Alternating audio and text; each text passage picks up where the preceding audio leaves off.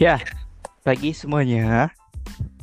Hari ini kita bakal bakal ngadain iShare, iShare yang sekarang berupa podcast. Kita coba-coba di sini. Hari ini kita bakal belajar namanya di sini user experience. User experience itu user pengguna, experience pengalaman. Uh, simpelnya itu ya pengalaman user memakai suatu produk. Nah, di sini saya ngundang namanya ada Abang Vidi. Dia bakal ngejelasin Halo, experience. Ya bang, gimana Ya. kabar bang? alhamdulillah sehat. Kok bang sih, mas aja. Oke oke.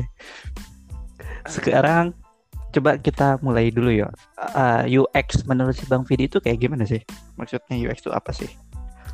UX ya, UX itu kan artinya sendiri dalam bahasa Indonesia-nya user experience. Ada user, ada experience, ada pengalamannya gitu. Nah, Hmm. sederhananya sih uh, UX itu ketika si user menggunakan produk atau bisa juga dikatakan uh, ketika uh, si UI itu output output dari UX itu digunakan oleh se- seorang user gitu. Nah, banyak yang ngira nih UI dan UX itu uh, berbeda, tapi sebenarnya keduanya ini memiliki satu kesatuan. Jadi ketika kita ngomongin tentang UI, kita juga harus paham atau tahu UX-nya, begitupun sebaliknya gitu. Jadi mereka itu sebenarnya beda tapi uh, satu kesatuan. Seperti itu. Hmm. Ya, itu pengertian dasarnya lah ya. Sekarang Ya. yang mau yang kita bahas di sini apa nih bang? Diskusi hari ini. Oke. Jangan panggil Bang dong. Oh, apa? Mas Pidi. Fit aja fit. Oh, Oke.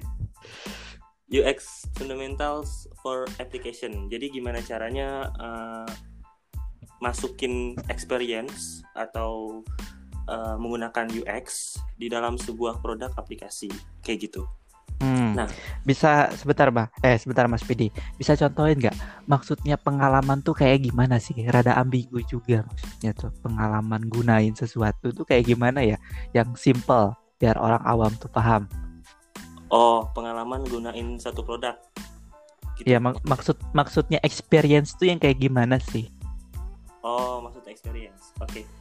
Eh, experience kan eh, begini loh. Eh, kalau misalkan saya ambil contoh kalau misalkan eh, si user ini mau eh, daftar di sebuah aplikasi.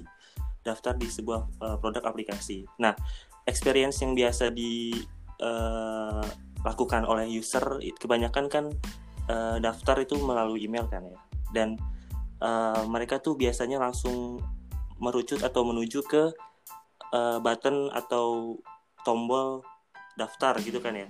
Jadi nggak nggak langsung nggak langsung ujuk-ujuk uh, masukin email gitu. Jadi ada flow-nya gitu. Jadi yang dimaksud experience itu berhubungan dengan flow juga sih. Flow gimana si user uh, cara si user untuk sampai ke sebuah uh, tujuan tersebut. Kayak misalkan user mau daftar ya dia sebelum daftar itu harus melakukan apa seperti itu Hmm. Jadi simpelnya tuh uh, kita bikin sesuatu tuh harus udah tahu Journey. sesuai pengalaman. Contoh kayak tadi uh, Mas Bidi ngejelasin tata cara daftar tuh ya begini. Berarti saat kita membuat suatu aplikasi yang begitu, pengalaman login tuh harus udah tersampaikan di aplikasi itu. Jadi mereka langsung ngeh gitu ya. Iya betul dan harus sesuai sama eh, karakteristik si usernya. Kalau misalkan eh, aplikasinya untuk marketing ya berarti gimana sih karakter karakteristik si pengguna marketing itu gitu Hmm, gitu. gitu. Oke, sekarang boleh kita masuk ke topik utamanya. Oke.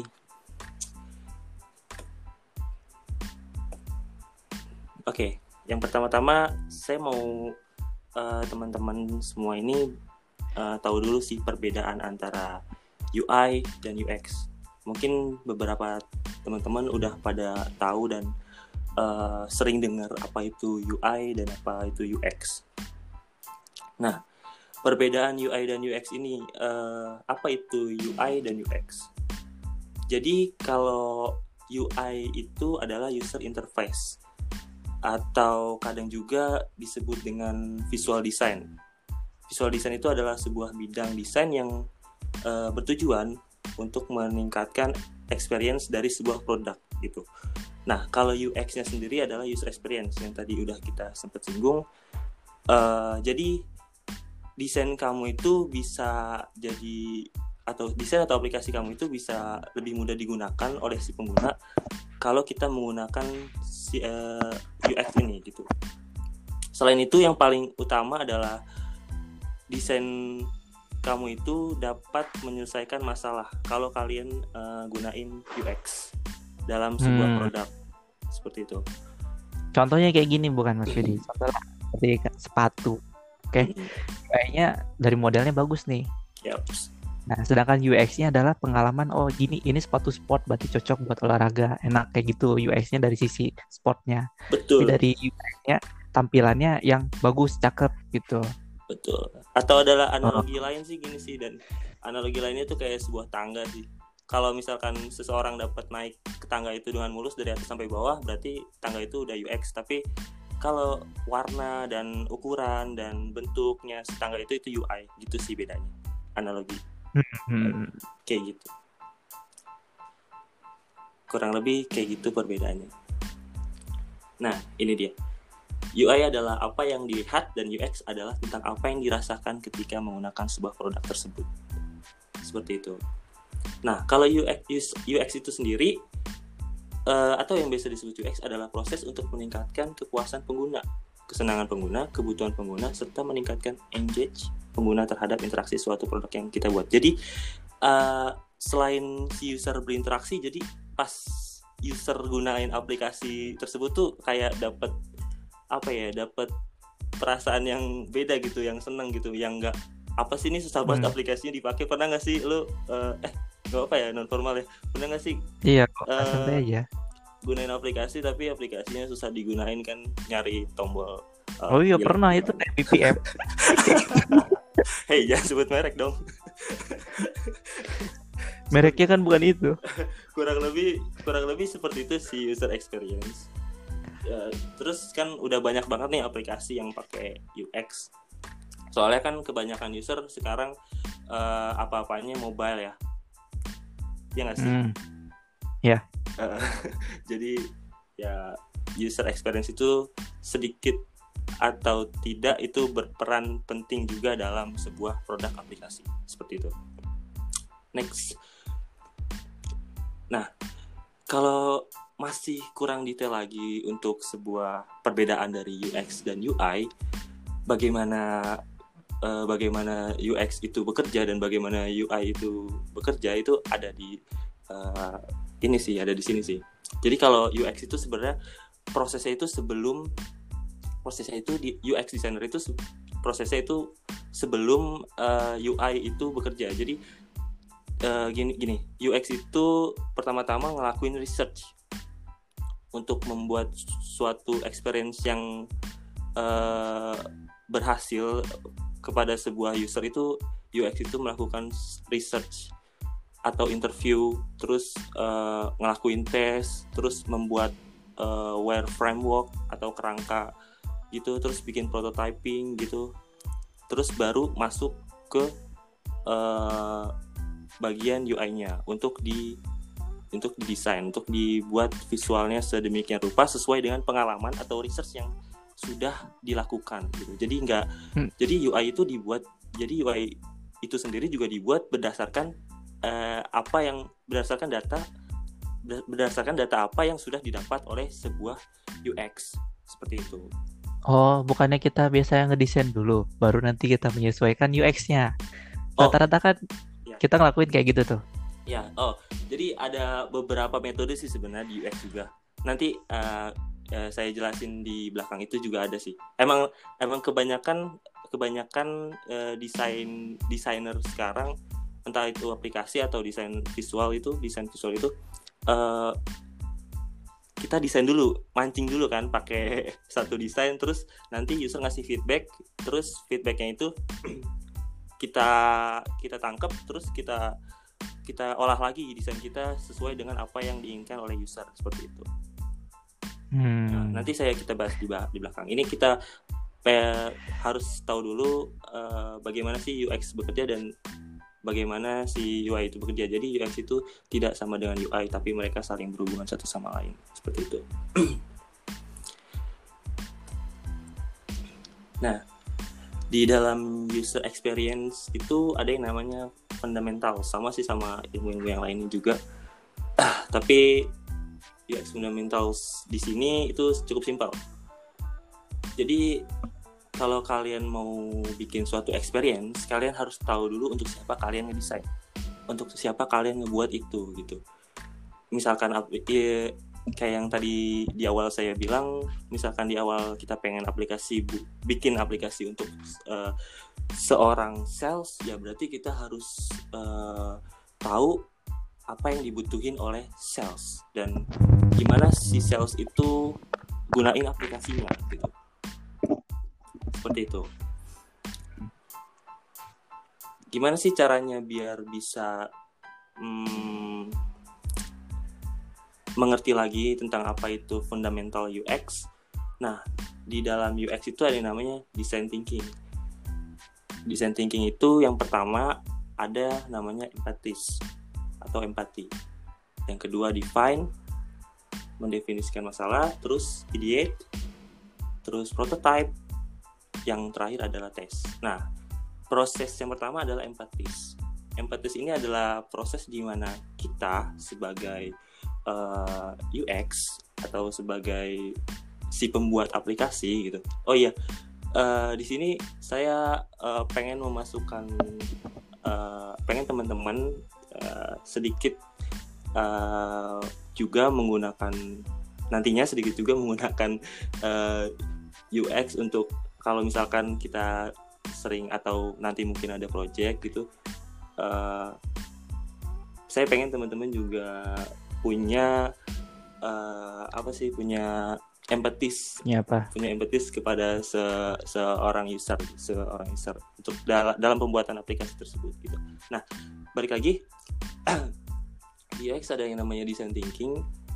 Design thinking itu yang pertama ada empatis empatis itu adalah rasa di mana eh, teman-teman atau itu peka ya ya kepekaan ya boleh lah. Kepekaan Peka. kepada Jadi... kepekaan kita terhadap si user gitu kan. Kayak kayak misalkan si user butuh butuhnya apa gitu. Terus uh, ya kita lebih mendekatkan apa ya lebih mendekatkan diri kepada user sih. Supaya kita tahu problemnya itu apa gitu. Dan pasti banyak banget. Kalau kita biasanya itu requirement kali ya. Getting requirement kayak gitu.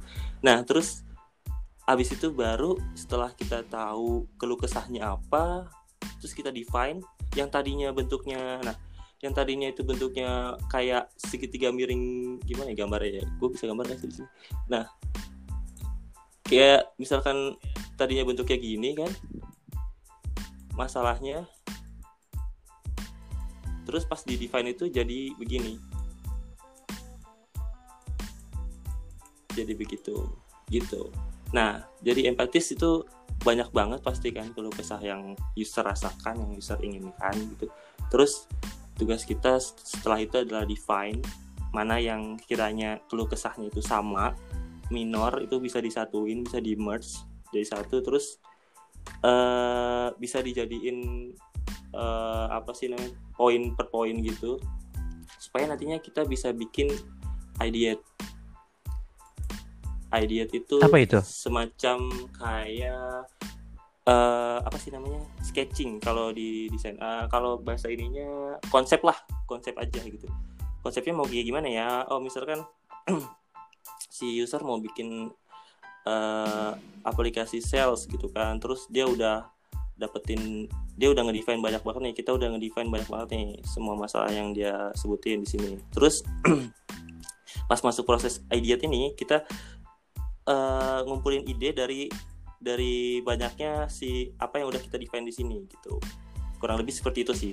Nah terus uh, dari proses idea ini nantinya kan muncul ide-ide tuh kita mau bikin apa misalkan misal mau bikin aplikasi sales terus aplikasi sales itu ada yang namanya notifikasi untuk si sales tahu kapan dia mesti uh, mesti ke sebuah perusahaan untuk presentasi gitu misalkan contoh terus sisa itu tahu kapan barangnya eh kapan bareng kapan uh, dia mulai untuk uh, apa sih namanya membuat proposal gitu kan dan lain-lain pokoknya seperti itu ya hmm. nah terus kalau mm-hmm. kalau dilihat dari design thinking berarti UX itu berpengaruh juga terhadap proses ya Betul. sebelum kita mendesain sesuatu Betul, sangat berarti proses harus jalan desain juga nanti jalan kayak gitu berarti betul gitu lebih Nah, sampai sini juga udah masuk flow juga sih di Idiot ini juga ada ada ada yang namanya sedikit flow flow uh, journey sorry journey sebuah uh, desain itu gitu. Nah, setelah kita dapetin ide poin per poin, aduh sorry ya gambar saya jelek di sini. Satu dua tiga poin. Misalkan ini poin per poin kita dapat tiga poin, terus kita bentuk, kita masuk ke proses. Ya halo. Halo. Halo. Ya, kayaknya halo? koneksi. Ya udah, ulangi lagi coba udah oke okay. nanti kita cut oke pas udah kita dapetin ide di proses ide tersebut uh, lanjut ke proses prototype nah dari dari ide-ide yang kita dapat kita bisa bikin sebuah prototype atau wireframe gitu nah prototype itu yang kayak gimana sih ya prototype itu ya cuma kayak uh, nunjukin tata letak uh, batannya di mana, terus ukurannya gimana, desainnya gimana, terus dan flow-nya gitu. Jadi dari misalkan dari proses login ke input produk gimana sih flow-nya gitu. Nah, ini ada di ada di proses ada di tahap namanya prototyping gitu. Nah, di sini tuh biasanya uh, prototype ini banyak dilakukan pengulangan. Jadi kalau misalkan udah sampai udah sampai sini tuh biasanya lama agak lama karena uh, pas di tes pas masuk ke tes truk itu bisa balik lagi ke proses sini prototyping. Oh ya, gitu. berarti mas kalau prototype itu apa harus cuma berupa tampilan doang atau memang harus ada udah sedikit jadi beberapa fungsionalnya? Oh iya, kalau untuk proses prototyping sih sebenarnya nggak harus jadi tampilan sebenarnya jadi proses proto prototype ini biasanya berbentuk wireframe yang biasanya cuma sketch gitu doang. Bahkan digambar pun bisa gitu. Yang biasa pakai balsamic mockup sih. Kayak gitu contohnya. Hmm. Kayak gitu. Terus nanti biasanya kalau mobile ya, kalau mobile itu biasanya dijajarin gitu. Misalkan ini proses login. Aduh, susah banget ya gambar di sini. Ya, pokoknya login. Nah, di sini tuh ya login gitu. Gimana sih caranya di login? Baru di nomor yang satu, dua, tiga, empat gitu. Nah, ada di sini tuh ada proses uh, apa sih namanya validasi di tes ini validasi gimana apa sih yang kurang dari proses login gitu apa sih yang yang aneh dari proses login udah sesuai belum sih proses loginnya gitu loh ada ada banyak ada banyak yang mesti divalidasi di sini. Makanya proses prototype ini sering kali diulang gitu. Sampai validasinya sesuai. Tank okay. hmm oke. Okay. nah kita masuk ke uh, benang merah dari uh, ICR hari ini sebenarnya yang mau saya uh, bagi ke teman-teman dari apa yang pernah saya baca, dari apa yang pernah saya lakukan adalah empatis. empati itu sendiri tadi kan ya udah kita coba singgung sedikit kalau menurut uh, saya sih empatis itu kan uh, sebuah cara atau proses untuk mencari sebuah solusi. Nah ketika ketika harus mencari tahu apa itu masalahnya apa apa itu apa solusinya di proses empati ini bertujuan uh, bertujuan untuk kita memahami apa kebutuhan pengguna kita gitu. Jadi pas di proses empatis ini banyak banyaknya banyak banyakin tuh nanya uh, si user sebenarnya maunya tuh kayak gimana maunya tuh bentuknya kayak apa terus akan berfungsi seperti apa juga itu jangan lupa gitu. Intinya kita berusaha semaksimal mungkin memahami berada di posisi mereka tuh kayak gimana lah. Iya betul dan. Kayak gitu kurang lebihnya. Itu namanya empatis. Nah di dalam uh, proses uh, atau empatis ini itu ada dua proses yang bisa dilakukan. Yang pertama observasi. Nah, observasi itu kan tujuannya sendiri adalah menemukan goals ya, menemukan goals dari apa yang diinginkan user. Nah, terus gimana sih caranya? Ya, kita harus uh, tanya gitu dari dari apa yang mereka lakukan. Misalkan tadi pekerjaan si sales, ditanya-tanya tuh biasanya sales kalau uh, nginput uh, kontak itu kayak gimana sih? Apa aja sih yang mesti diisi gitu? Terus uh, field up aja sih yang pertama yang sering atau harus banget diisi sama sales dan nggak boleh kelewatan gitu supaya follow upnya gampang gitu misalkan contohnya sih kayak gitu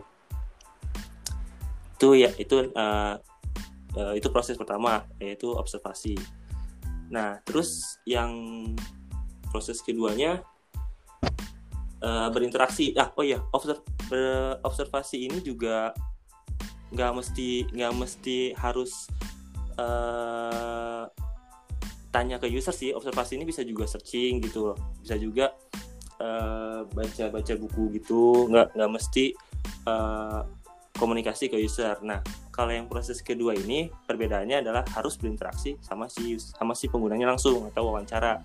Uh, kayak yang tadi uh, kayak kita harus menggali lebih dalam lagi terus berusaha memahami si user. Uh, uniknya sih gini terkadang kalau kalau mereka ngelakuin hal yang berbeda dengan apa yang mereka katakan gitu. Pernah kan dapat user begitu? Jadi kayak mereka ngelakuinnya A tapi yang mereka katakan B. Nah tugas kita itu ya mencari tahu kenapa hal itu bisa terjadi gitu. Kenapa user bisa ngomong A tapi yang dilakuin B? Atau gitu. maksudnya kita menggali lebih dalam maksudnya si user ini apa ya? Kadang kan user tuh menyampaikan hal yang ambigu sih ya. Mereka bingung. Nah betul juga iya. saya mau A tapi penyampaian mereka tuh B kayak gitu. Biasanya ya, kayak gitu. betul kayak gitu. Kayak gitu. Iya sih benar. Uh, sering sebenarnya user juga kadang nggak nggak nggak tahu kan uh, pengen pengennya dia kayak iya, apa ya itu tuh namanya apa gitu. Kadang, ya makanya kita harus bantu mereka untuk uh, mencapai atau berusaha uh, berusaha untuk mereka bisa tahu golnya gitulah pokoknya. Intinya sih perhatikan lihat dan dengarkan gitu. Nah gambarannya sih kayak gitu ya. Kalau kalau si user patah tangan ya kita harus bisa ngerasain mereka patah tangan gitu kalau mereka patah leher ya kita harus bisa ngerasain mereka patah leher gitu. yang pasti ini ini aja sih oke okay. Berarti dari poin sebelumnya kayak tadi cuma dua poin itu berarti mungkin simpelnya observasi itu secara generalnya ya, secara uh, sederhananya maksudnya secara hmm, mendasarnya begini loh. Anggaplah tadi contoh kasus sales ya. Jadi secara dasarnya sales itu ya begini. Dia melakukan A, B, C, D. Jadi selama observasi kita meriset itu. Setelah kita terjun ke iya. poin berinteraksi apa berinteraksi kita lebih spesifik lagi betul lebih detail lagi itu ya begini gitu kan hmm. tapi tetap namanya sales ya pasti begini cuma ada spesifiknya bagaimana kayak gitu iya nah iya betul sih karena observasi kan kita cuma baru mengamati ya namanya observasi hmm. kan ya mengamati objek yang ada dulu gitu nah kalau yang berinteraksi tadi ya benar kata Madan tadi langsung lebih detail lagi gitu lebih dalam lagi kayak gitu sih nah next lagi ada yang namanya user karakteristik jadi tiap user kan itu tiap user itu kan beda-beda Enggak, sama. Kita juga semua user tuh menyebalkan. Ya, ya, nah, user itu kan punya kebutuhan yang berbeda-beda. Tuh, jadi ada yang namanya user karakteristik. Ya, yang kayak gimana tuh bang? Coba. Oke, ada empat cara untuk memahami atau mempelajari karakter karakteristik pada user. Yang pertama, user interview. Yang tadi mewawancari pengguna secara langsung. Itu kita lebih dapat tektoknya sih, lebih dapat juga ap, uh, apa keinginan apa yang sebenarnya user inginkan gitu dibandingkan uh, cuma observasi. Karena observasi kan dari apa yang kita cari tahu doang kan gitu. Kalau ini kan langsung interview usernya. Terus ada yang namanya online user online survey, eh, online survey okay. sorry online survey uh, online survey ya seperti kayak namanya sih melakukan survei dalam bentuk online. Biasanya itu pakai Google Form. Uh, pernah nggak sih uh, kalian atau teman-teman itu dapat uh, apa sih namanya survei dari Google gitu kan? Survei dari aplikasi hmm. ini gitu aplikasi biasanya anak-anak yang lagi ngerjain skripsi itu. Kayak gitu. Ya bisa juga kayak gitu sih contohnya nah terus yang ketiga ada yang namanya usability, usability testing di menguji kemudahan produk yang udah kita buat. Nah kalau ini seringnya digunain uh, berdasarkan produk yang udah ada yang udah kita buat. Jadi kalau produk yang belum ada nggak bisa sih pakai UT gitu. Nah poin terakhir yang nomor 4 ini ada kompetitif analytic nah ini ada hubungannya sama pertanyaan di awal tadi tuh.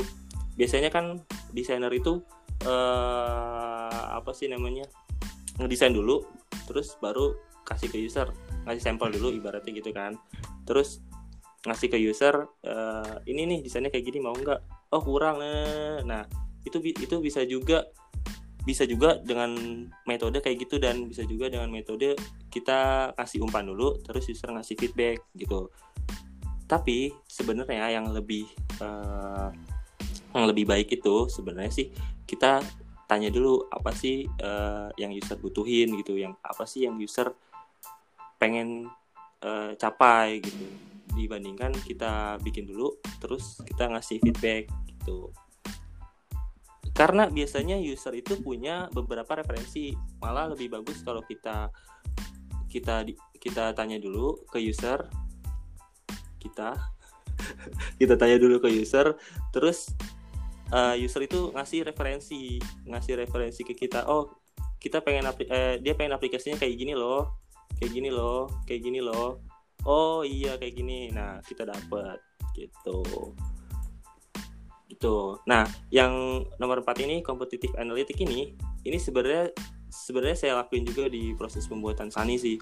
Jadi di Sani ini saya pakai yang ini yang uh, karakteris proses mem mempelajari karakter user dengan poin 4 ini kompetitif analitik jadi di mana saya uh, research punyanya kompetitif itu kayak gimana sih? Gitu kayak misalkan Tarantum gitu. terus ya aplikasi sebelah yang lain-lain. Itu kayak gimana sih cara kerjanya gitu. Nah baru saya bikin dengan ide saya ide saya ide saya sendiri ide ide ide ide ide saya ide ide saya sendiri untuk membuat suatu produk yang baru seperti itu itu maksudnya. Ide desain saya sendiri ya, untuk membuat produk untuk membuat suatu produk yang baru gitu. Nah kurang lebih seperti itu kalau di poin nomor 4 ini kompetitif analitik. Tapi bisa juga sih misalkan dari poin nomor 4 kompetitif analitik ini terus langsung ke usability testing itu bisa gitu. Terus langsung ke poin dua bisa gitu. Tergantung gimana kebutuhan uh, stakeholder itu sendiri juga sih gitu. Next.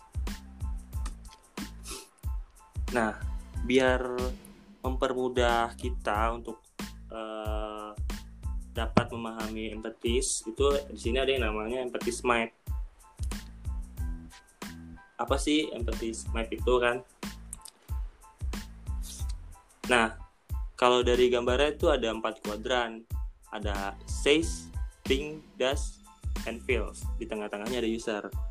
Kuadran satu itu says, apa yang pengguna katakan. Kuadran dua adalah think, apa yang pengguna pikirkan.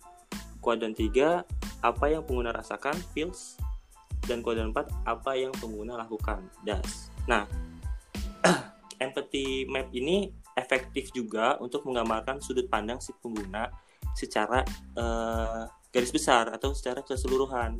Jadi uh, berurutan gitu apa yang difikirkan oleh atau dirasakan si oleh si pengguna kalau kita gunain metode atau proses ini empathy maps gitu. Jadi uh, proses yang ada di dalam pembuatan sebuah produk itu produk aplikasi itu akan lebih uh, spesifik dalam di, uh, dalam pembuatan prosesnya. Karena yang ditangkap karena yang ditangkap gambaran umum di sini di sini. Nah empathy map ini uh, memungkinkan kita lebih cocok dijadikan sebagai uh, untuk landasan bersama. Jadi kayak gini loh cara kerja empathy maps ini. Ini kan ada empat kuadran. Terus tengahnya ada user. Usernya itu uh, apa? Misalnya usernya itu cabin crew. Oke, okay, yang mau kita ambil nih cabin crew. Usernya cabin crew. Terus kita sebagai tim itu nanti di sini masing-masing nempelin sticky notes atau uh, apa yang ada di apa yang akan kalian katakan kalau misalkan uh, punya aplikasi atau ngejalanin aplikasi tersebut gitu. Paham nggak? Hmm, jadi itu seperti jadi, apa yang mau dimau dulu kan? Tapi ya, masih betul. berupa omongan. Oh betul kayak gitu. Masih bola liar lah berarti. Betul masih secara general gitu. Hmm. uh -uh, nah. Terus yang things juga gitu apa yang dipikirkan das dan feels juga seperti itu kurang lebih. Dengan parameternya itu usernya di tengah-tengah usernya siapa itu Nah, uh, dari empat dari empat ini empat kuadran ini itu uh, akan menghasilkan yang namanya gain uh, dan pain. Gitu.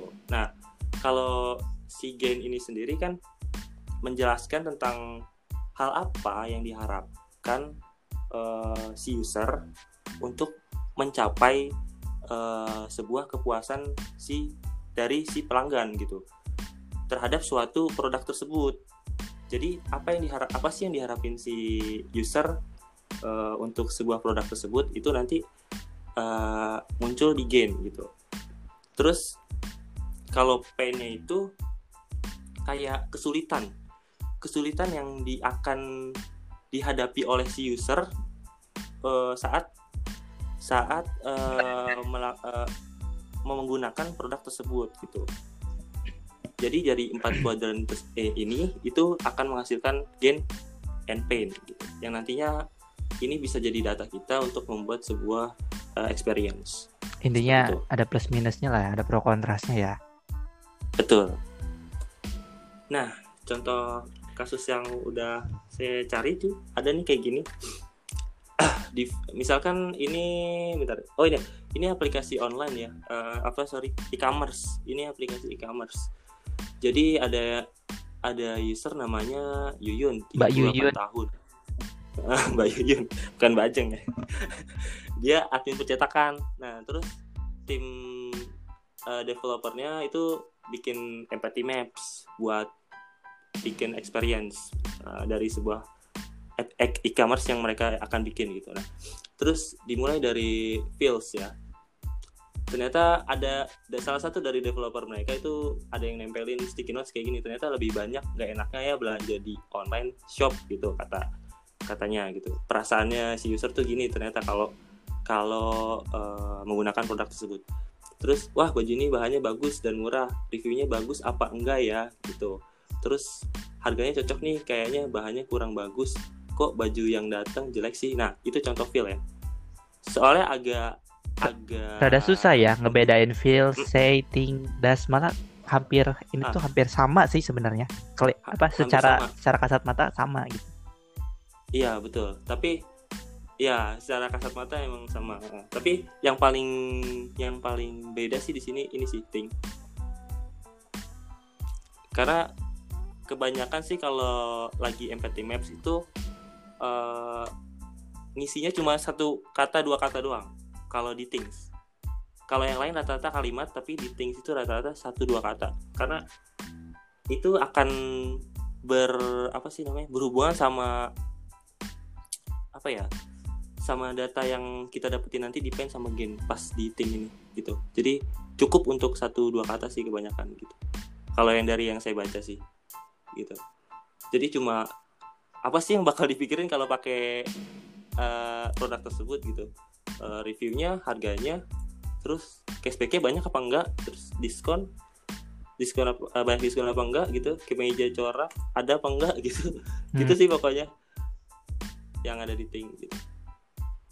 Terus sales juga sales itu kayak lebih kayak rumor sih kayak misalkan belanja di tok Tokopedia itu bahaya nggak sih? Gitu. Terus belanja di Bukalapak itu kayaknya lebih aman deh gitu. Apa yang Ya. orang katakan terhadap aplikasi tersebut gitu. Terus das yang user lakuin. Apa yang ingin user lakuin di aplikasi tersebut? Misalkan ya user pengen punya baju bagus gitu. Terus user sukanya baju basic gitu. Terus dan lain-lain gitu. Nah dari eh, keempat kuadran ini itu dari satu user menghasilkan pain dan gain tadi. Nah painnya apa? Pain itu mendapatkan baju yang tidak sesuai ekspektasi. Dari mana nih dapatnya? Mendapatkan baju yang tidak sesuai ekspektasi gitu. Dari size dari yang size yang user size terus dari mana lagi? Nih kok bajunya jelek sih? Tuh. Itu dari feel-nya. ya terus mana lagi? Relevan saya ingin saya ingin punya pakaian bagus nah ini nggak ada nih. Ada tiga. Kurang lebih kayak gitu dari pennya terus pengiriman barang yang lama tuh pasti ada dari dari sini sini yang akan jadi pain and gain Jadi Betul. kayak gini mungkin ya simpelnya. Size itu kayak masih rumor atau si user masih belum menyentuhnya ya. Jadi masih omongan aja. Omongan tentang Lebih- si anggaplah ini e-commerce ya. Berarti apa sih Ah. yang ka- tuh kalau dipikir-pikir hampir mirip sih size dan ping. Apa yang kamu pikirkan dan apa yang ingin yang kamu katakan tentang tentang Mm. si e-commerce. Tapi bedanya kalau size ini kayak yang kamu tahu sih tentang e-commerce itu gimana sebelum dia mencoba. Iya, Kalau betul, kalau feels itu perasaan dia setelah mencobanya berarti kan. ah iya iya Fit- lebih tepatnya kayak feedbacknya. Kamu udah nyobain nih aplikasi, kamu udah dapat Mm. barangnya gimana yang apa yang sih yang kamu rasain setelah gunain aplikasi ini? Ya, Kalau Ting dan Size ini hampir-hampir sama ya, cuma lebih bedanya mungkin Ting tuh lebih ke eh, kayak tadi tuh cuma satu-satuan, nggak eh, to the Iya. point lah, to the point. to the point Mm. Sedangkan Das itu yang sedang dia lakukan pas lagi makainya berarti kan. Iya. Betul. Kayak gitu. Hmm. Nah, kalau gitu eh, kita langsung masuk ke studi kasus saja. Oke. Nih kita bakal Studi studi kasus apa nih? Oke, Jadi, studi kasusnya berdasarkan eh, project yang udah kita bangun kan. hmm, project apa tuh? ada Citylink SOB, Sales on Board. Ini bisa jadi acuan juga di mana nantinya kalau misalkan SOB pengen up, upgrade eh, uh, upgrade aplikasi kita bisa terapin juga dari ide-ide teman-teman ex- user experience-nya gitu. Nah, di sini ada eh, mobile atau aplikasi mobile Citylink SOB yang punya kebutuhan kurang lebih kayak gini nih. 9 Eh, sorry, ini bukan kebutuhan. Ini eh, sebenarnya ada banyak sih. Sebenarnya masih ada banyak. Takutnya ada yang lewat nih, sorry. Eh, cuma di sini karena waktu gue persempit jadi 9 gitu. Jadi untuk mastiin aja kalau teman-teman itu eh, nyobain gimana sih rasanya berempatis eh, di sebuah produk aplikasi gitu. Nah, di sini kita cukup bikin tampilan dari login sampai eh, first site-nya aja. First site-nya itu berarti tampilan awal mainboard-nya kan. Ya, yang Karena utama first site itu sangat ya pa- paling penting bagi eh, seorang eh, bagi user bagi user experience gitu. Jadi kita buat dari login sampai eh, main main main mainboard-nya aja gitu. Nah, di sini ada 9 poin. Eh, ini teman-teman bisa eh, baca sendiri eh, poinnya apa aja. Jadi nanti kita bikinnya pakai Adobe XD. Sebenarnya sih bisa pakai Balsamic karena masih wireframe kan. Tapi karena ini tadi ini kan berdasarkan desain yang udah ada. Jadi ini berdasarkan eh, kita bikin UX-nya berdasarkan usability testing kali ya atau enggak berdasarkan produk yang udah ada sih lebih tepatnya berdasarkan produk yang udah dibuat gitu. Nah dari kesembilan poin ini eh, kita akan bikin eh, wireframe atau desain si Citylink dengan menggunakan eh, metode atau rasa empatis tadi gitu. Nah, kita bikin dulu eh, sama-sama uh, emphasis mapnya. Ya. Simpel aja. cabin crew itu berarti si pramugari pramugaranya ya Iya betul. Oke, bentar. Gue ketik nih. Kayaknya harus ketik. Oke. bisa pakai box kayaknya di situ nah itu Oke, mungkin teman-teman eh, dari sekarang bisa share apa yang user eh, kita di sini eh, harus memposisikan diri sebagai user dulu sih, Hmm. gitu. Nah, kita harus memposisikan diri sebagai cabin crew. Gimana sih kalau kita jadi cabin crew pakai aplikasi tersebut? Apa yang bakal kita katakan? Apa yang bakal kita pikirkan? Yang kita lakukan dan kita rasakan seperti itu. ya intinya sama itu nomor satu udah bener ya Iya, eh, ini biar biar kita biar kita dapat biar kita record semuanya aja. oke Jadi coba kita juga- definisiin dulu cabin crew itu kerjanya ngapain aja berarti kalau pengalaman Oke. aneh naik pesawat ya dia cuma peraga-peraga doang gitu kan Oke, kan kita kan cabin crew di sini kan udah ibaratnya lebih di- lebih spesifik ya. Cabin crew-nya ini bakal jualan produk gitu. Nah, Hmm.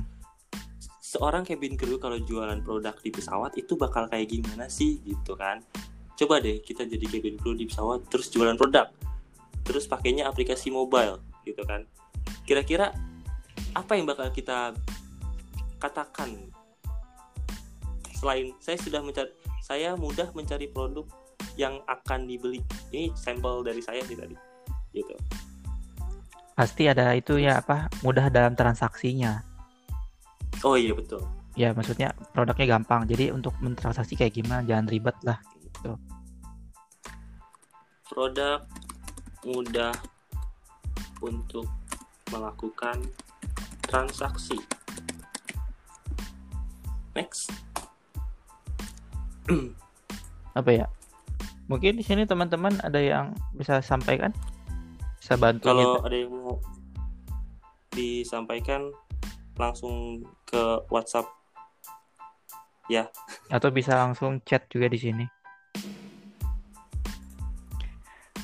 Kayaknya kita next saja coba yang setelah says apa ini? Kita loncat ke mana Langsung ke Das boleh?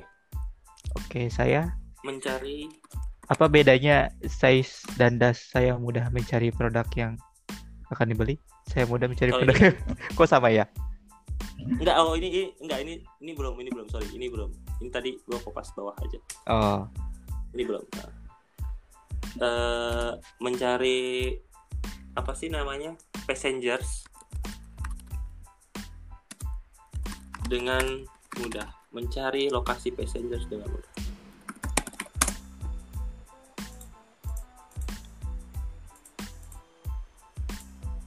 Ada lagi?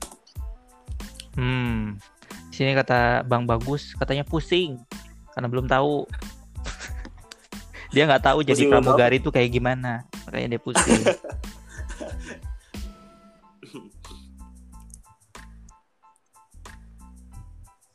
Sebenarnya kalau misalkan nggak tahu kayak gimana lebih kayak ngebayangin aja nggak sih proses yang akan terjadi itu seperti apa di dalam pesawat kalau jualan gitu kan simpelnya kalau bi- Nah, bi- biasanya tuh pesawat mereka, mereka tuh menawarinnya lewat katalog sih. Ada kan majalah-majalah tuh biasanya di oh iya di benar seat-seatnya nanti dia dipanggil. Mas mbak saya pengen Hmm. pengen ini?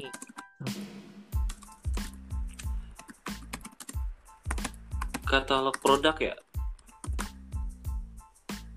Gitu bukan sih? Nggak tahu. Iya yang akan dilakukan adalah mudah menemukan katalog produknya gitu. Nah. Dua-dua aja deh.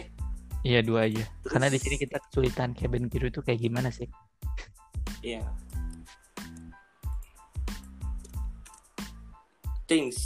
Apa yang dipikirkan setelah menggunakan aplikasi tersebut? Ini kata-kata Nah, ini- banyak pain sih di sini. nggak ribet. Pasti kan kayak gitu. Simple lagi. One click biasanya gitu kan. Kayak oh, gitu iya. gitu kan biasanya. Betul betul. Hmm.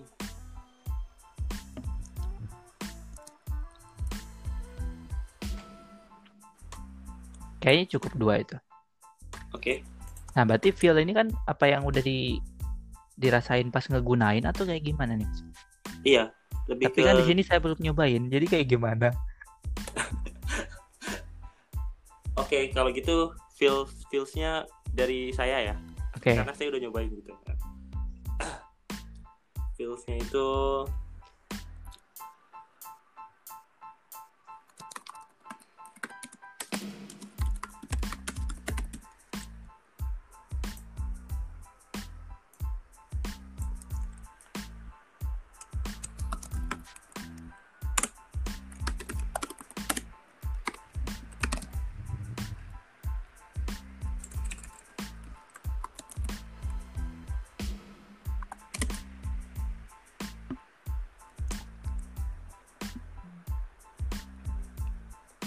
flow proses kurang. Ntar dulu, prosesnya kayak kurang ini, kurang masuk. Kalau dilihat-lihat lagi Jadi- ini tasting, das feel ini kayak SWOT ya.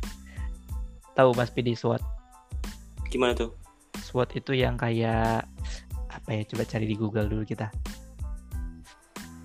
SWOT What SWOT is analisis. Jadi SWOT itu singkatannya nyari tahu eh, strength, kekuatan, kelemahan, weakness, opportunities, peluang, ancaman, threat gitu. SWOT? Ah, Ya, hampir-hampir mirip sih, cuma eh, penempatannya yang berbeda kayak gitu mungkin. itu biasa digunain untuk apa sih? Itu biasanya buat menganalisa suatu bisa buat diri kita sendiri, bisa untuk si produk ini kayak gimana sih gitu kan. Keunggulan Oh, pakai ya. produk ini apa? Cuma bedanya kan suatu itu sesuatu yang udah jadi, sesuatu yang udah ada. Kalau kita bicara di sini kan kita masih sesuatu yang masih bersifatnya prototype ya. Masih setengah-setengah. Mm-mm. Oh, Oke. Nah, oke kita cukup dari empat empat ini deh ya. Eh empat, sorry dari delapan delapan eh, record ini. Lagian kita cuma akan bikin dari proses login ke ini aja kok. Yang bisa ngejelasin, yang bisa eh, apa sih memenuhi kebutuhan user 9 ini. Nah, kemarin kan udah saya bikinin library untuk case ini. Library UI-nya. Jadi, teman-teman enak tinggal drag and drop aja dari elements yang udah saya siapin di Adobe XD. Nah, eh, ini kan Adobe XD Itu udah di share ya, ya Mas ya. Iya, udah udah di set. Saya asumsinya teman-teman udah install. Nah, ini saya akan ngejelasin sedikit cara penggunaannya aja.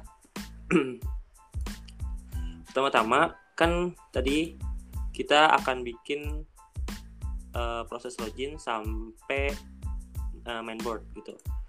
Nah, kita bikin dulu di sini yang namanya frame-nya. Sini frame-nya bebas pakai apa? Bikin frame-nya itu pakai ini artboard diklik aja di sembarang tempat terus kalian bisa pindahin pakai ini select kalau saya juga asumsinya teman-teman udah bisa Photoshop semua sih jadi ini kurang lebih ya namanya satu perusahaan ya Adobe jadi eh, teman-teman udah paham lah sedikit Adobe kayak gimana penggunaannya ini buat pindah-pindah Sama kayak pakai Eh. pen kan nih? Eh, kayaknya sih ya hampir sama sih. Bisa lah ya sama-sama banget sih. Lebih sama kayak Adobe gitu.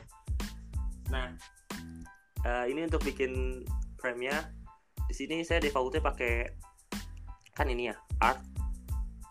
Terus diklik. Tek.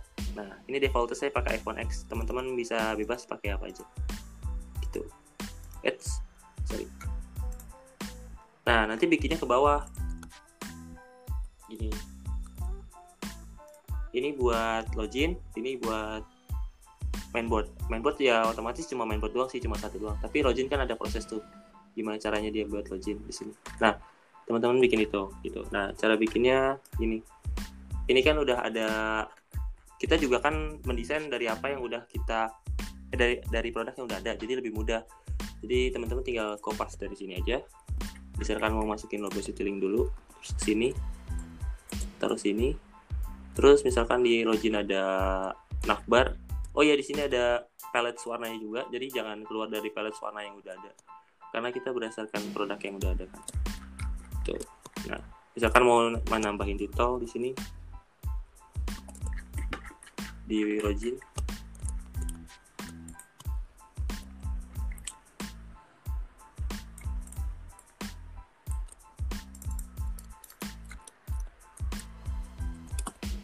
ketiknya biasa. Terus misalkan ini nggak usah. City terus uh, di login itu ada apa? Ada field. Fieldnya bisa pakai yang ini.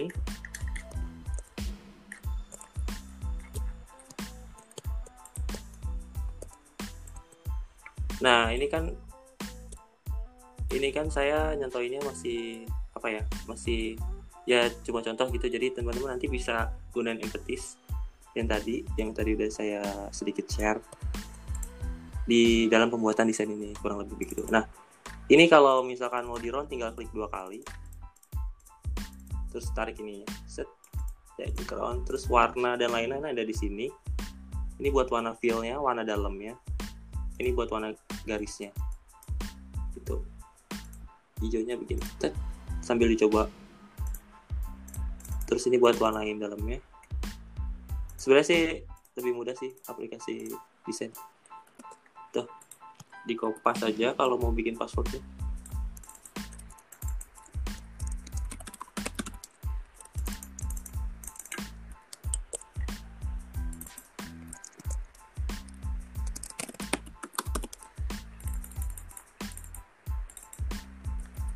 pakai aplikasi begini bisa nggak kita jadi diekspor jadi langsung. HTML bisa. Gitu ya. Oh cuma HTML aja ya?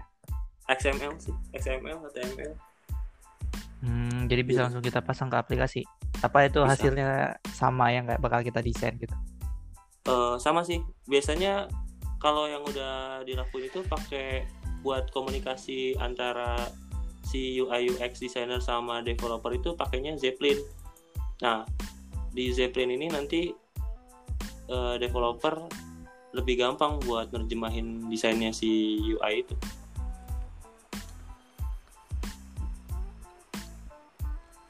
Tapi bisa juga langsung di-convert lewat sini. Cuma saya belum pernah sih kalau langsung convert gitu.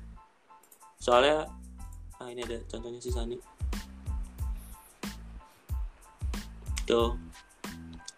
Dia berdasarkan grid gitu kan.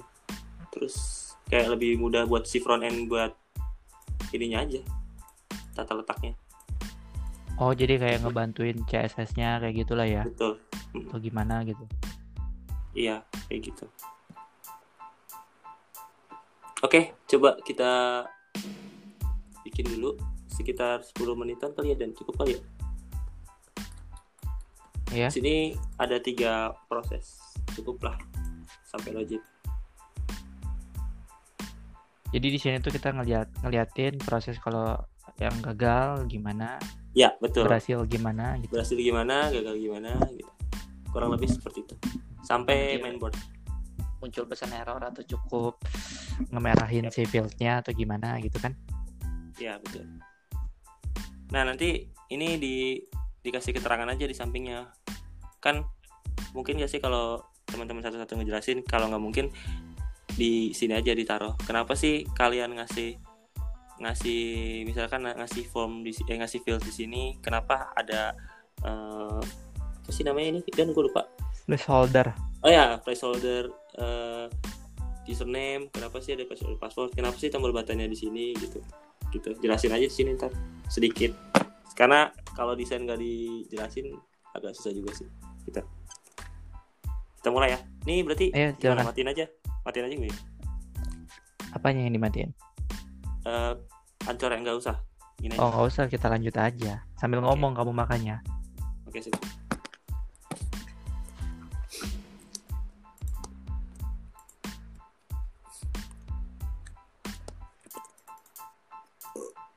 Alhamdulillah. Kayaknya nggak usah rapi-rapi banget dah. Iya, yang penting bisa ngejelasin prosesnya. Sambil dilihat ini tadi.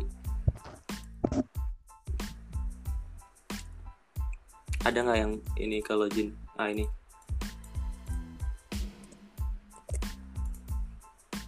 Berarti buttonnya harus besar. sebenarnya nggak harus besar juga. Ya dikondisiin aja. Karena karena buat si iPhone itu semana gitu kan? Itu juga Karena kita empati, kita juga harus menyesuaikan rata-rata ukuran jempol si cabin crew-nya. nggak sedetail itu juga sih. Oke.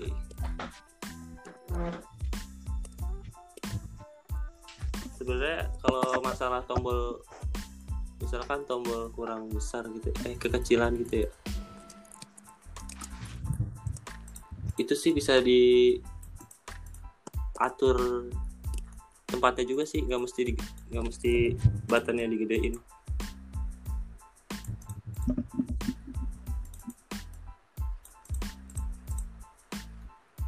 Nah, kalau biasanya pakai bentar, mana sih?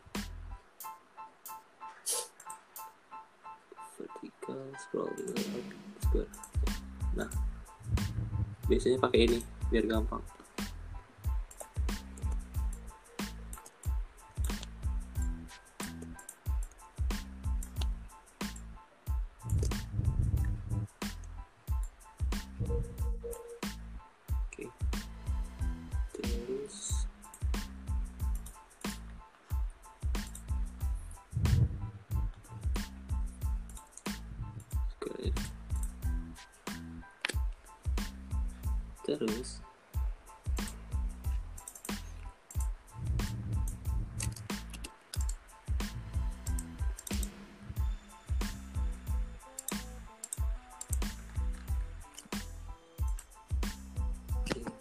Kayaknya udah cukup oke. Coba kita langsung masuk ke prosesnya. ya kita kopas dulu ke bawah.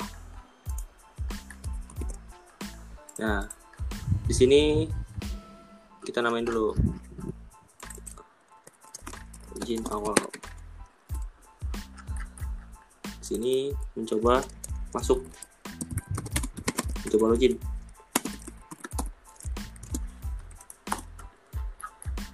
User ngetik dong. Misalkan add Madan. Passwordnya 325556. Nah, terus login. Ya kan? Diklik. Apa yang terjadi pas login? Buttonnya akan ngasih fade. Border bisa nggak ya? Enggak, enggak. enggak. Fade ini sih. Wait, wait, wait, wait, wait. Intinya ngasih tanda bahwa si buttonnya udah diklik. Eh, bentar. Yang kepikiran di Madan apa? Kalau saya kepikirannya ini diklik dulu, terus klik pas diklik itu ada fade, ada yang nama shadow kan? Iya, maksudnya di Nah. sini kan kamu pengen ngegambarin si button ini diklik apa enggak sih kan? Iya betul. Nah, ini udah saya, udah saya kasih shadow, es shadow ini tiga empat coba empat. Oke, liter lumayan empat. Terus oh iya, udah sih. Nah terus muncul apa pas di login? Kita kopas lagi. Ads.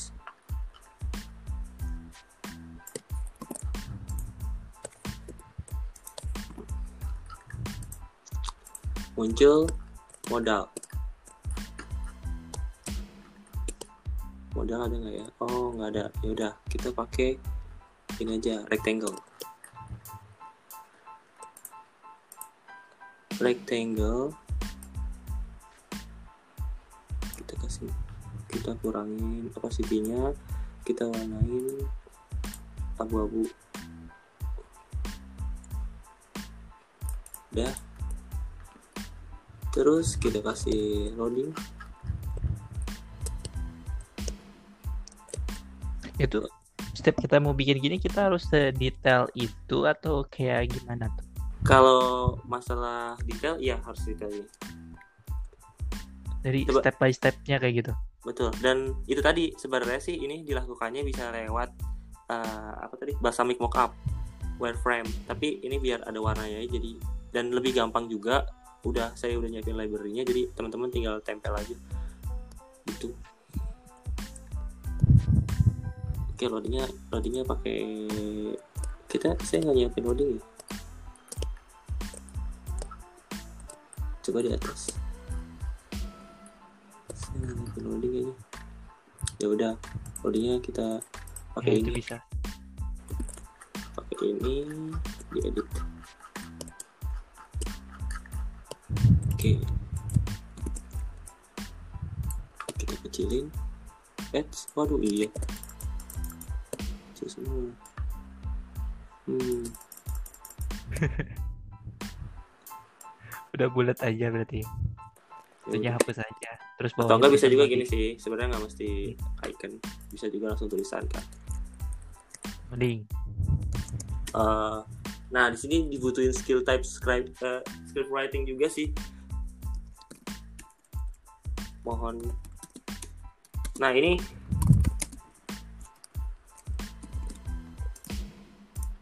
Ini sih tergantung ya aplikasinya itu mau yang serius atau yang kayak buka lapak gitu kan. Type scribe eh apa script writingnya rada rada. Warna yang Rada apa tuh? rada lucu gitu rada nggak yang serius-serius banget kayak Gojek juga tuh type, wa- scribe ratingnya juga bagus Kalau buka lapak kan udah mau bangkrut makanya nggak serius dia. coba kalau dikasih no enggak dong. Ya udah warna hitam aja cukup kayaknya. Dengan size fontnya 14 atau 18 ya 18 It's 16.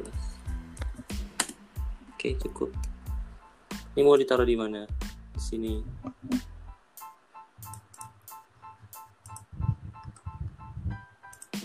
Ya gini.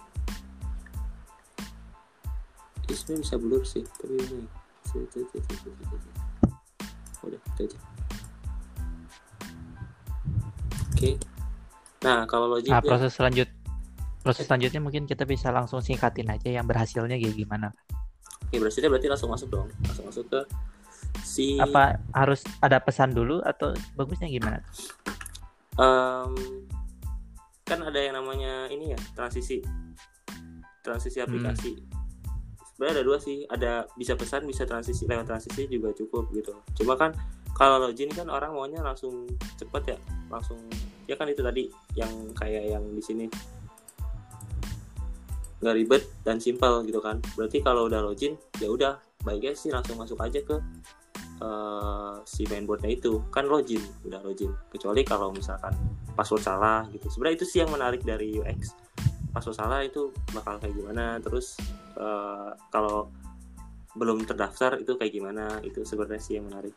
Cuma kalau langsung ke login ya Hmm. udah nggak apa-apa. Ini kita langsung login terus langsung bikin deh di sini tampilannya kayak apa. Ingat first sight itu sangat eh, berpengaruh untuk sebuah UX jadi kita based on ini kan.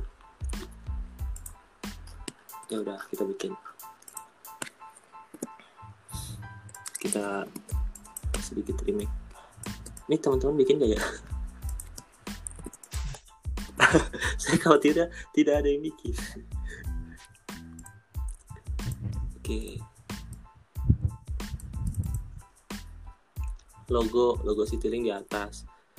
Nah logo Citylink-nya berarti gini.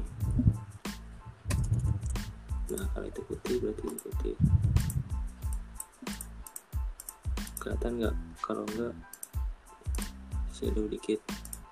Kegedean juga kayaknya main di berapa grade 12 oke.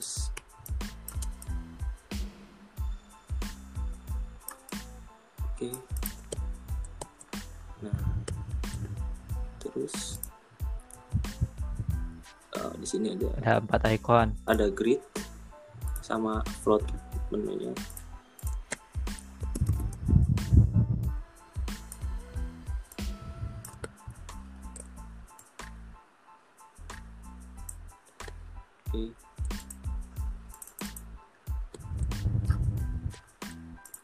Sih. Kayaknya. iconnya kita pakai.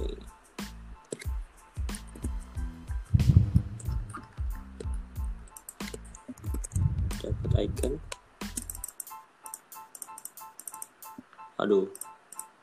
Tidak bisa di round. Mungkin ikonnya bisa kita kotak aja. Empat.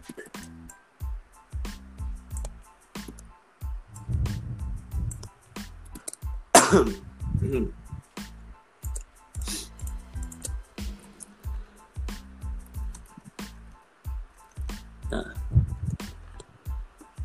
kurang gede kayaknya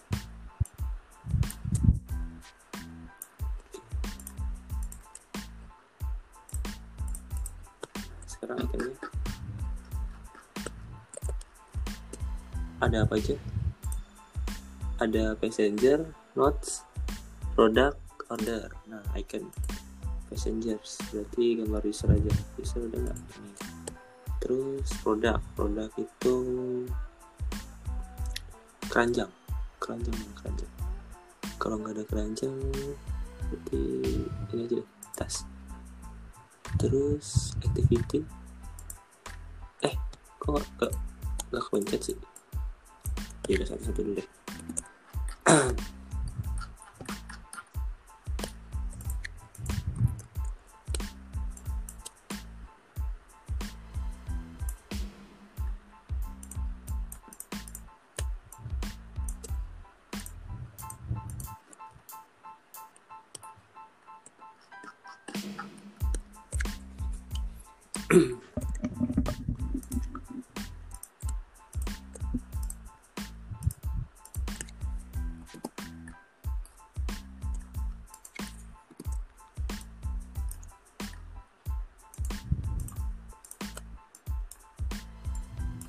gambar gembok gitu. oh iya gemuk ya. Gua kira tas loh Ya udah nggak apa-apa. anggap aja nih aja. kita nggak punya icon tas soalnya. Tapi nggak boleh gitu sih sebenarnya sebenarnya sih ya. Kan studi kasus. oke. Ini udah. Terus apa lagi tadi? Eh, notes. Oh Gambar salah. AC. produk di kanan. Notes dulu baru order. Notes dulu baru order. Notes itu ini deh. Notes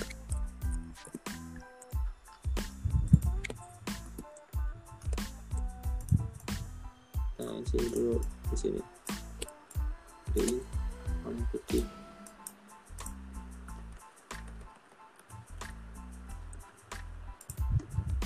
Oke.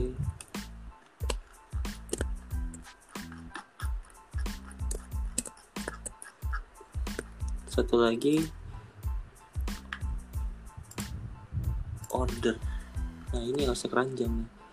Order itu bisa pakai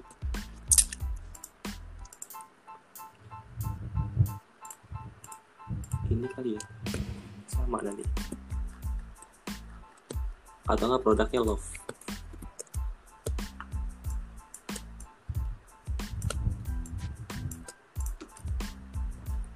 Produknya apa ini?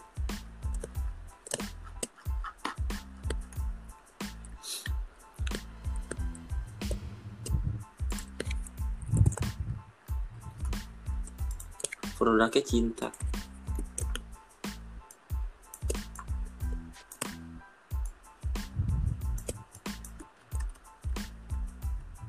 Oke. Nah, terus mungkin gak sih user tahu kalau ini passenger, ini eh, notes, ini produk, enggak kan? Ada beberapa kemungkinan. Tergantung kita ngegambarin si ikonnya kan. Ah, betul. Nah, ya, kalau ikonnya begini gitu. Kalau di web tuh biasanya icon tuh dengan button tuh dibantu dengan namanya tooltip. oh tooltip bisa Jadi pas si mouse arahin ke sana ya ada tuh ini apa. Betul. Sedangkan mobile kan biasanya se- rada sedikit beda ya. nah ini font juga sangat berpengaruh nih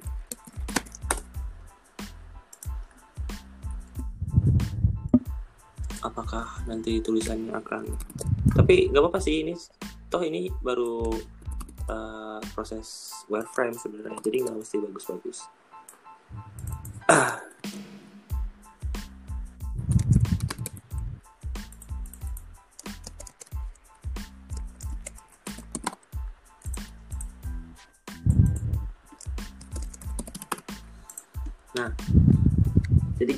login sih salah Eh, passenger. Jadi kan ini kan jual beli ya. Di atas pesawat. Nah cara flownya si cabin crew akan milih dulu di mana posisinya si si eh, passenger. Jadi untuk menu prioritas menu yang pertama kali ditaruh kiri adalah passenger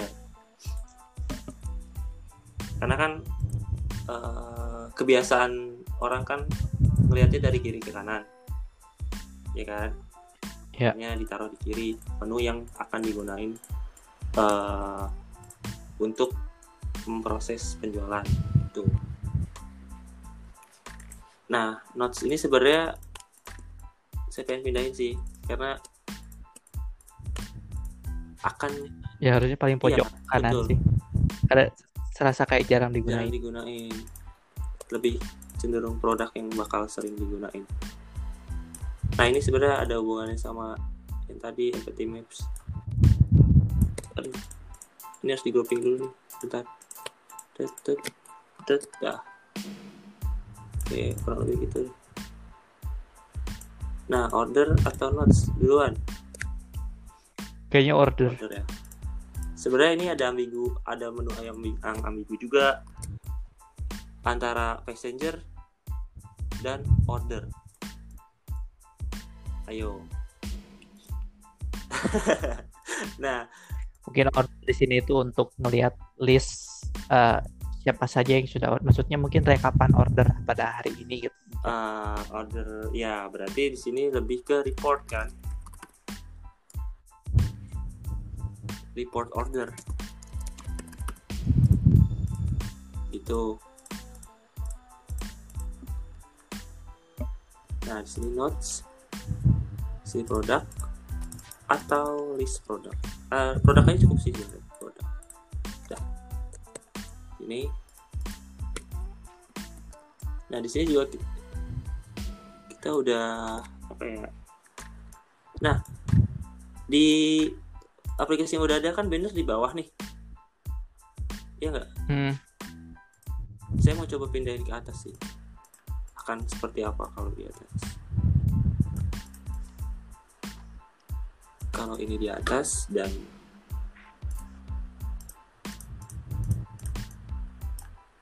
gini ke- ala ini kan desainnya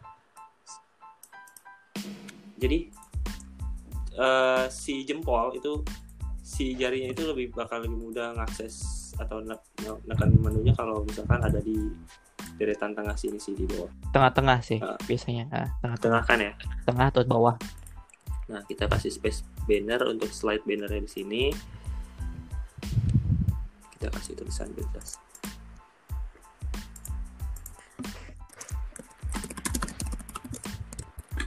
Tuh.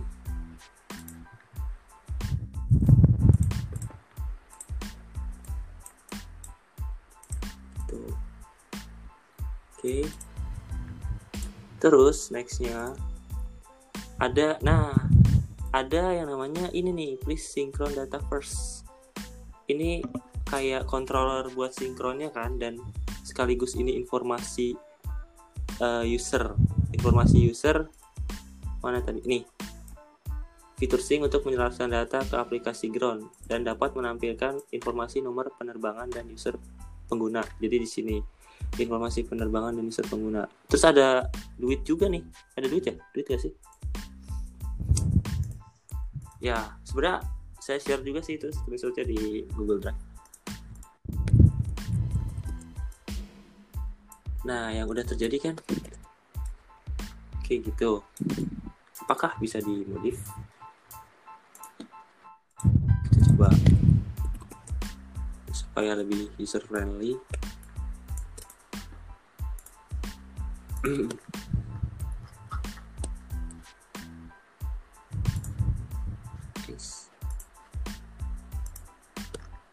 itu Bimo ada nanya ya di grup Hmm. oh itu hijaunya karena ya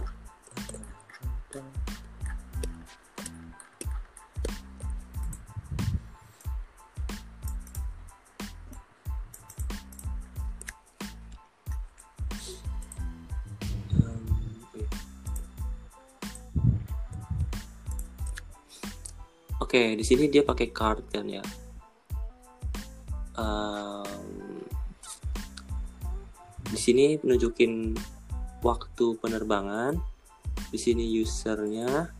Di sini apa nih? Uang ya, uangnya. Itu bisa nggak dirubah? Coba kalau misalkan pakai card pakai cardnya itu. Oh iya. Uang aja di sini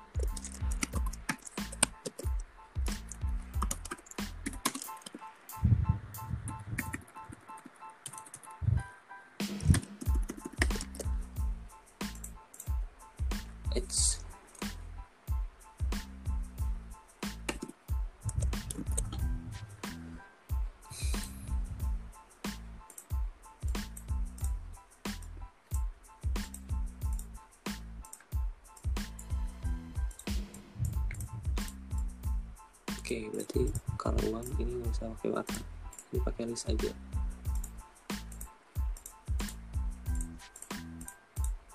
Ini angkanya baru dipakai. Bisa mungkin.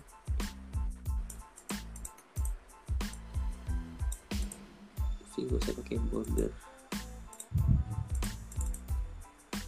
Usah pakai shadow, nggak pakai border.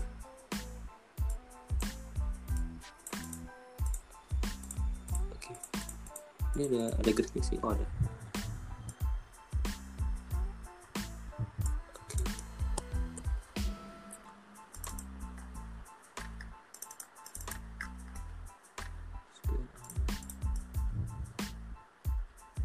Di sini dikasih keterangan.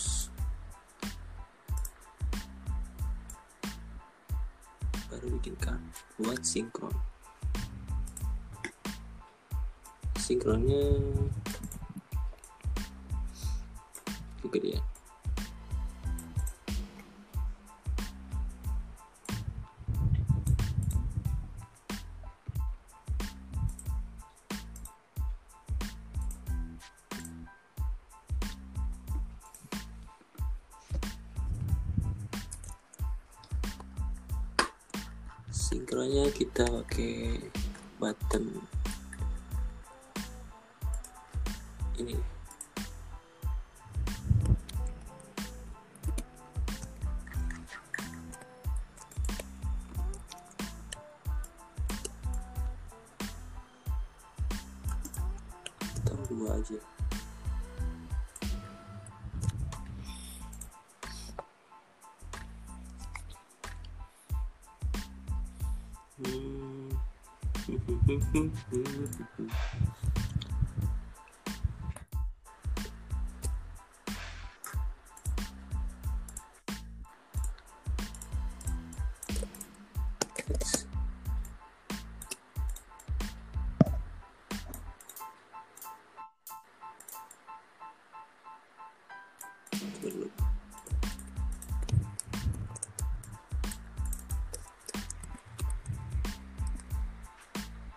iya iya iya atau ini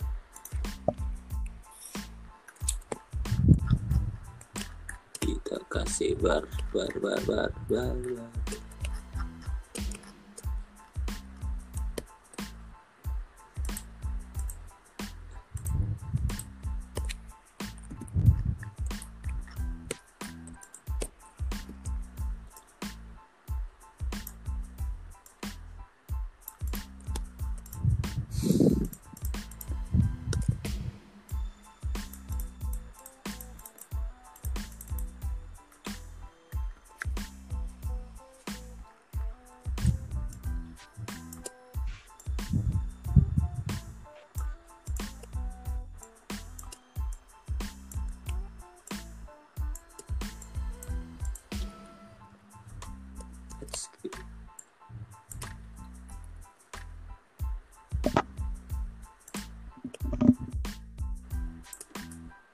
Semua ikan tidak bagus.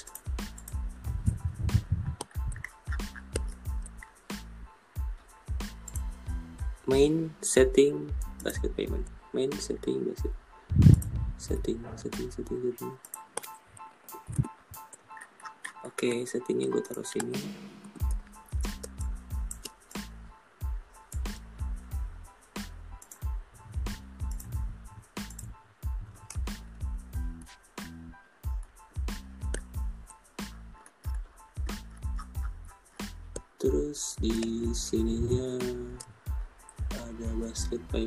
payment basket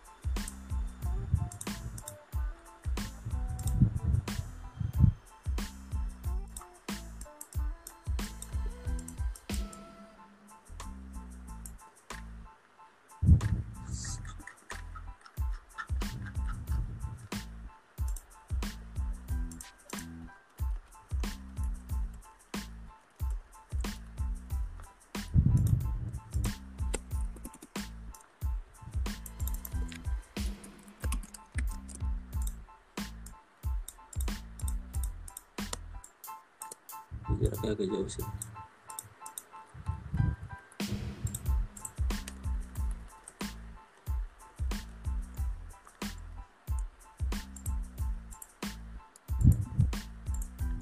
Hmm atau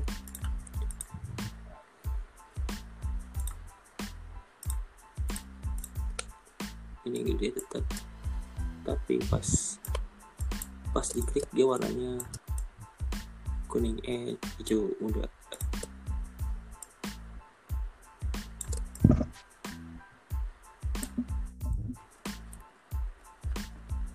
Nah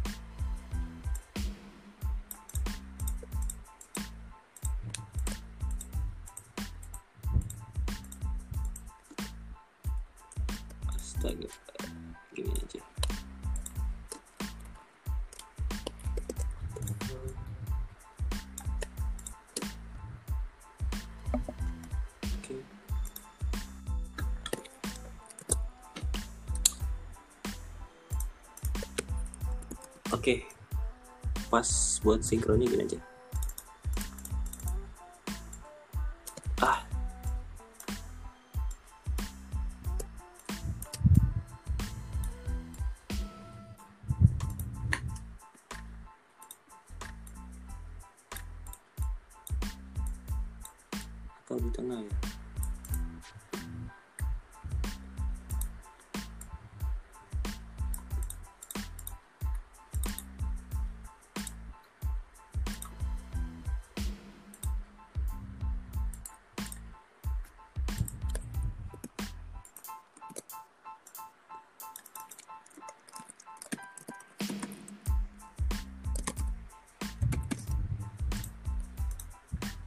Dikasih shadow.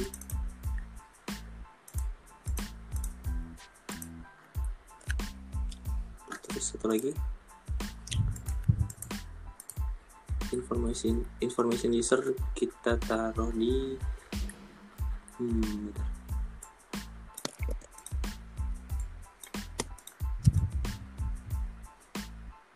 sinkron itu better di mana ya?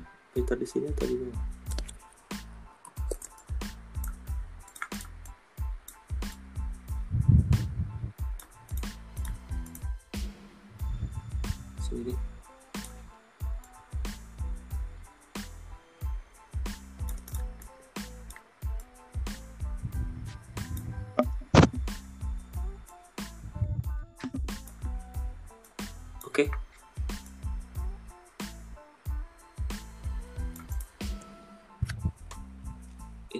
user yang belum informasi usernya. Gimana kalau di sini terus dinamain? Oke di sini dinamain.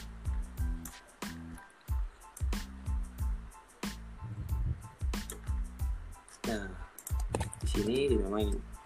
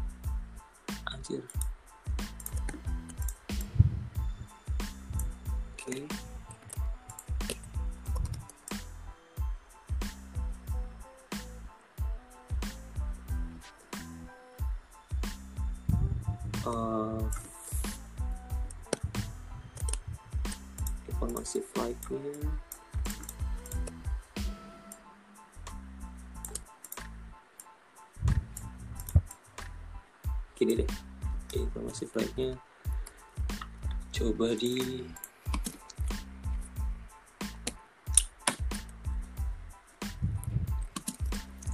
SR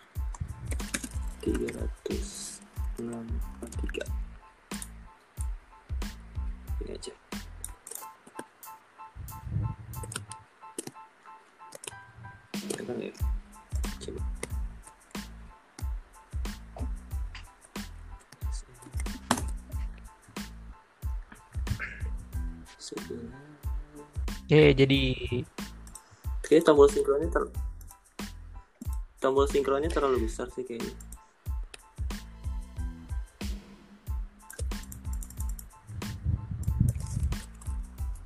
Tapi emang nggak bisa sih secepat itu.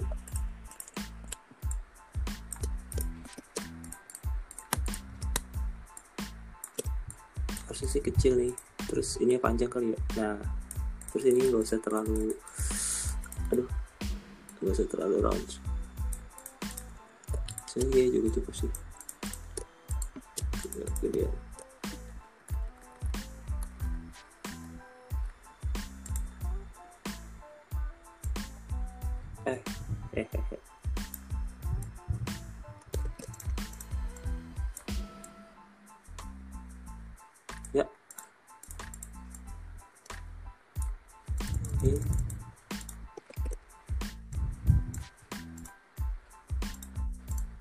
ada space banyak nih. Mungkin bisa tambahin beberapa Masih informasi ada space banyak. jumlah produk yang terjual Iya sih. berapa. Ah iya di sini nih di sini. Gitu kurang lebih. Oke. Jadi kita di sini udah belajar ya tentang UX, terus studi kasusnya. Tapi sebelum kita ke ranah kesimpulan, di sini ada pertanyaan nih, Mas Pidi. Dari Apa tuh? Bang Bimo Muhammad Reva, dia mau nanya katanya. UI yang mempema- mempengaruhi UX atau UX yang mempengaruhi UI? Jadi yang benar tuh yang mana katanya? Ulang-ulang UI yang coba. mempengaruhi UX atau UX yang mempengaruhi UI. Jadi eh, apakah tampilan yang mempengaruhi pengalaman itu atau pengalaman yang mempengaruhi si tampilan yang benar tuh yang mana? Itu kata si Bang Bimo. Nah, sebenarnya di keduanya itu nggak ada yang bener sih. Yang bener itu ya eh, keduanya itu saling saling membutuhkan. Jadi nggak bisa lepas satu sama lain. Kalau misalkan ka, cuma pakai UI, ya udah cuma kelihatan bagus aja, looksnya aja gitu. Tapi pas user make, pas flow-nya, pas prosesnya itu Hmm. kayak ada yang kurang gitu. Begitu juga kalau pakai UX doang gitu. Kayak itu tadi kayak tangga tadi. Ini itu. kayaknya ada analogi baru nih kayak gitu. kita kayak mau nyari cewek atau nyari istri ya. Jangan cantik doang. Gak punya Ah. otak tapi bego berarti kan gitu kan. Nah, tapi kalau gitu ceweknya pinter tapi kalau nggak cantik ya nggak enak juga kan. iya kayak gitulah dan kurang lebih. Jadi nggak bukan bukan UI mempengaruhi UX atau UX mempengaruhi UI. Jadi Itu jawabannya carilah yang seimbang. Sesuaikan betul dengan standarmu. betul. gitu. Tapi kurang lebih begini ya yang studi kasusnya yang udah yang kita buat gitu. Jadi ini cuma wire framework belum masuk ke UI. Gitu. Sekali lagi. Takutnya kalian nyangkanya ini udah masuk ke UI. Ya kalau wire framework malah kadang cuma silang-silang doang sih, cuma silang-silang. Terus di sini ditulisin apa gitu. Oke, jadi kita bisa ngambil kesimpulan ya. U- UI dan UX itu Yap, mereka tuh ya sat- satu empatis. satu ke apa keterkaitan ya yang nggak bisa dipisahin gitu. Ya, Jadi memang mereka tuh ya sudah betul. terlahir sama sebenarnya. Cuma hanya berbeda. Yap. Kalau UI dari sisi tampilan, kalau UX dari sisi cara makainya gimana gitu. Iya, supaya meningkatkan kepuasan. Di sini juga kita kita juga tahu bahwa UI dan UX tuh bukan hanya sekedar tampilan aja atau cara pakai, tapi di sini juga bisa mempengaruhi si proses suatu aplikasi yang mau kita buat. Kayak gitu. Contoh lah, Betul. tadi kan simpelnya login, mungkin gampangnya ada cara kita mengajukan misalnya aplikasi eh, apa booking online, eh booking online, apa ojek online. Dari situ kan kita tahu kayak Iya. gimana sih kita cara memesan. Berarti kan proses memesan tuh dari kayak gimana dulu ya nanti akan diterapkan menjadi. UI-nya begini dan UX-nya begini. Jadi saat kita melakukan proses uh, getting requirement kita mendapatkan info prosesnya bagaimana di situ juga kita mendapatkan UI dan UX-nya juga Iya. Betul, harus mendapatkan UI dan UX juga. berarti tapi di sini saya ada gitu. pertanyaan nih Uh, kan tadi di situ kita belajar tentang empati kan user itu kan banyak pasti kan Ya. apa yang dikatakan user A dengan user B itu pasti beda-beda loh contoh user A saya maunya Hmm. begini user B saya maunya begitu nah sebagai kita kita ngambil yang mana kan mustahil kita akan menerapkan kedua hal tersebut tuh. biasanya kayak gitu yang sering kita lakuin. Jadi Iya, eh, apa yang harus kita ambil? Maksudnya yang mana? Tengah-tengah kayaknya kalau kita ngambil tengah-tengah malah jadi aneh kayak itu biasanya. Oh, kalau itu sih biasanya diambil dari yang terbanyak dan yang yang yang benar-benar dilakuin sama si user gitu. Nah, itu itu makanya tadi ada ada proses define kan. Ada proses define di mana di situ yang tadinya nyebar banyak yang tadi udah saya gambarin terus harus kita kerucutin nah itu diambilnya dari yang mana kan kayak, kayak tadi pertanyaan Madan user kan beda-beda banyak macamnya gitu nah itu diambil dari pertama yang terbanyak terus kedua yang memungkinkan yang benar-benar user lakuin gitu Nah, Prosesnya. apakah itu tugas kita Gitu. atau tugasnya si biasanya kan kalau dalam proyek itu ada namanya uh, product Analisis. manager. Product manager tuh di sisi mereka biasanya. Ah, mereka yang punya mereka yang mau bikin aplikasi. Iya. tugasnya dia dia yang harus Eh, intinya kan kita kan nggak akan mungkin kita nanyain semua user kan. Iya enggak. Itu sebenarnya kalau di kalau di yang lain itu yang saya tahu sih ada yang namanya product analyst gitu. Itu tugasnya dia sebenarnya gitu. Untuk eh, jadi tech lead pas di proses define. Pas di proses define leadnya dia. Buat tektokan ngelakuin design sprint. Design sprint tuh kayak tadi kayak yang kita lakuin di Empathies. Jadi pendapat kalian itu ditempel di sticky note terus ditempel Kita ambil yang nanti paling di the define. bestnya lah kayak gimana yang paling memungkinkan. Iya. nah. Toh tujuannya sama sih, sama-sama untuk eh, menyenangkan user, gitu. membuat goal user itu tercapai. Kurang lebih seperti itu. Oke, di sini uh, ada yang mau disampaikan sebagai penutup dari Mas Vidi. Eh, eh, gini sih, intinya sih eh, UX itu sebenarnya simple, gampang, tapi eh, yang dilakuin itu prosesnya sebenarnya panjang dan nggak sesimpel apa yang dilihat. Dan UX itu bisa jadi salah satu solusi untuk kita sebagai developer eh, agar aplikasi yang kita buat disukain oleh atau di eh, merasa eh, si user itu memi- merasa memiliki aplikasi tersebut gitu. User ownership apa yang namanya? ya? Aku eh, saya lupa. Atau seperti itu kayaknya gampangnya gini ya, aplikasi itu dipakai. Intinya itu sih. Percuma Iya, aplikasi bagus kalau nggak dipakai. Kalau nggak dipakai, betul. Yes. Oke, sekian ya iShare hari ini dengan episode UX dan pematerinya Abang Pidi, tapi dia maunya dipanggil Mas Pidi. Kita tutup aja ya.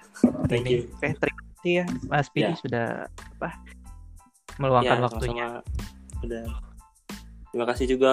Ya terima kasih juga yang lain-lain sudah mendengarkan. Nanti podcastnya akan kita share, tapi akan ada editing dulu sebelumnya. Oke, terima kasih semuanya. Sehat selalu. Assalamualaikum warahmatullahi